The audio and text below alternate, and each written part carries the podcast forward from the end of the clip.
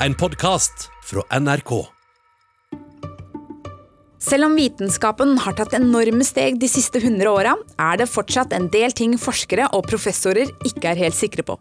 Ting som vi vet at skjer, men som vi ikke vet hvorfor skjer. Og det er så spennende.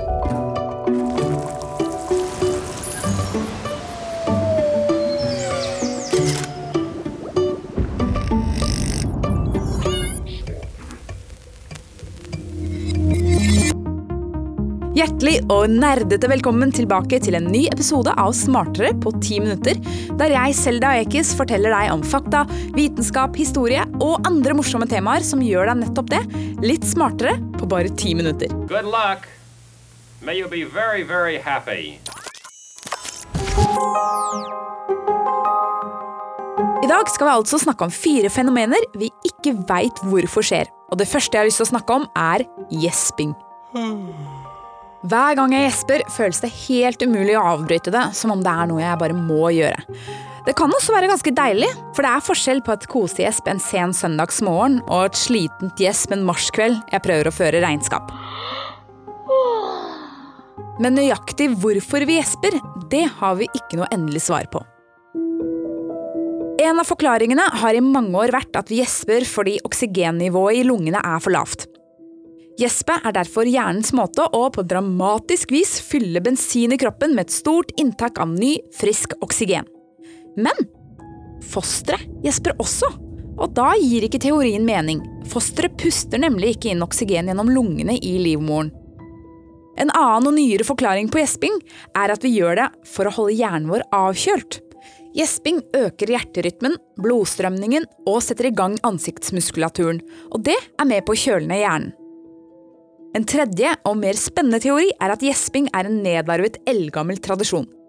Når min kollega Ole er trøtt og gjesper, så gjesper ikke jeg også fordi jeg plutselig kopierer Oles trøtthet. Jeg gjesper fordi jeg visstnok ubevisst tar del i et gammelt ritual som er utvikla i menneskegrupper for at vi skal holde oss våkne og være på vakt overfor fare. Uansett hvorfor vi gjesper, kan vi være enige om at vi gjør det. Og at det er spennende at vi ikke helt vet hvorfor.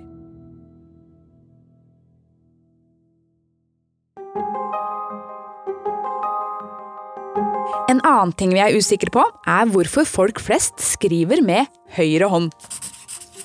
Hvorfor er de fleste mennesker høyrehendte, mens noen få er venstrehendte? Ville det ikke vært smartere hvis vi kunne bruke begge hendene like godt? Vel, forskere mener at mennesker alltid har vært stort sett høyrehendte. Det viser bl.a. funn av mange tusen år gamle skjelettrester som bærer preg av at høyre hånd har vært brukt oftere enn venstrehånda. Og her er ikke menneskene unike. Mus, rotter, gorillaer, sjimpanser og mange andre dyr foretrekker også høyre hånd eller pote. Så hvorfor bruker noen mennesker venstre hånd? En teori er at det er en fordel i naturen å kunne overraske. Hvis f.eks. en gruppe antiloper som blir jaktet på av en løve, alltid løper til høyre, vil løven kunne forutse dette. Dette har ført til at evolusjonen har gjort noen mennesker venstrehendte.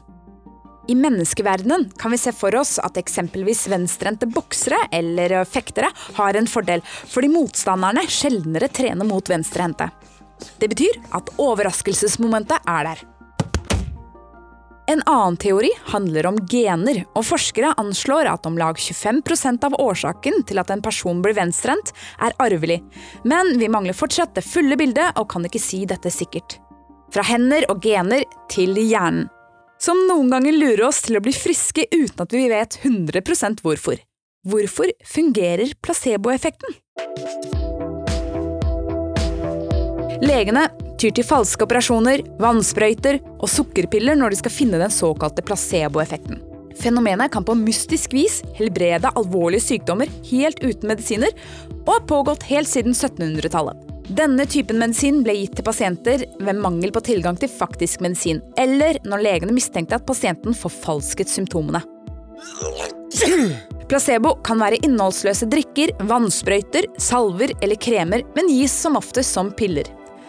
Virkningen av placebomedisin er fortsatt et mysterium for forskerne, men de har flere teorier. En teori er at så snart en pasient har en forventning om virkningen av en pille, vil hen ubevisst endre sin atferd slik at den rette effekten oppstår. Andre mener at effekten er et uttrykk for at pasienten sier det de mener legen vil høre, og derfor lyver om at de har fått det bedre. Og helt til slutt i dette firkløveret av en episode har jeg lyst til å vende oppmerksomheten mot våre firbente venner. Når du koser med katter, begynner du ofte å male. Men hvor kommer lyden fra, og hvorfor maler den i det hele tatt? Malelyden hos huskatten oppstår når luft passerer vibrerende muskler i strupehodet. Katten maler både bevisst og ubevisst. Den kan male uavbrutt både på utpust og på innpust. Og lyden er uavhengig av de andre lydene katten kan lage. Med andre ord kan en katt både male og mjaue samtidig. Hvorfor katter maler, er ikke helt avklart. Men en del av svaret er at lyden skaper trygghet mellom ungen og moren. Kattunger som dier hos moren sin, maler mye, og dette er en viktig del av kommunikasjonen mellom mor og kattunge. Men også hanner og hunnkatter uten unger som jeg har møtt, maler, så det kan ikke være hele svaret. Vi vet at katten ofte maler når den er i tett kontakt med mennesker og f.eks. blir kost med. Derfor tolkes det som et signal om at katten har det godt og er trygg. Kanskje er det å male en evne som katten har beholdt etter at den ble tam, for å sende signaler til matfar eller matmor, som de gjør til ungene sine. En annen teori er at katten maler for sin egen del. En del andre situasjoner der katten maler, kan tyde på det. For katter kan også male når de er nervøse, har store smerter eller like før de dør. Maling fungerer altså ikke bare som et tegn på velbefinnende, men kanskje også som noe som kan berolige katten selv i ubehagelige og stressende situasjoner. En del ting tyder med andre ord på at katten har sin egen innebygde lykkepille. En funksjon som beroliger når det står på som verst. Det ønsker jeg meg også.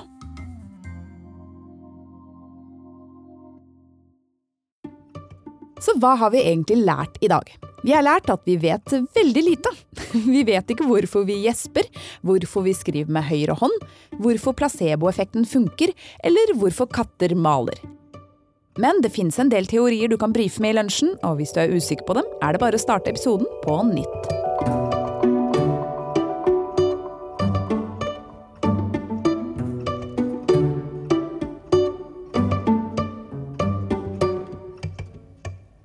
Du har hørt en podkast fra NRK.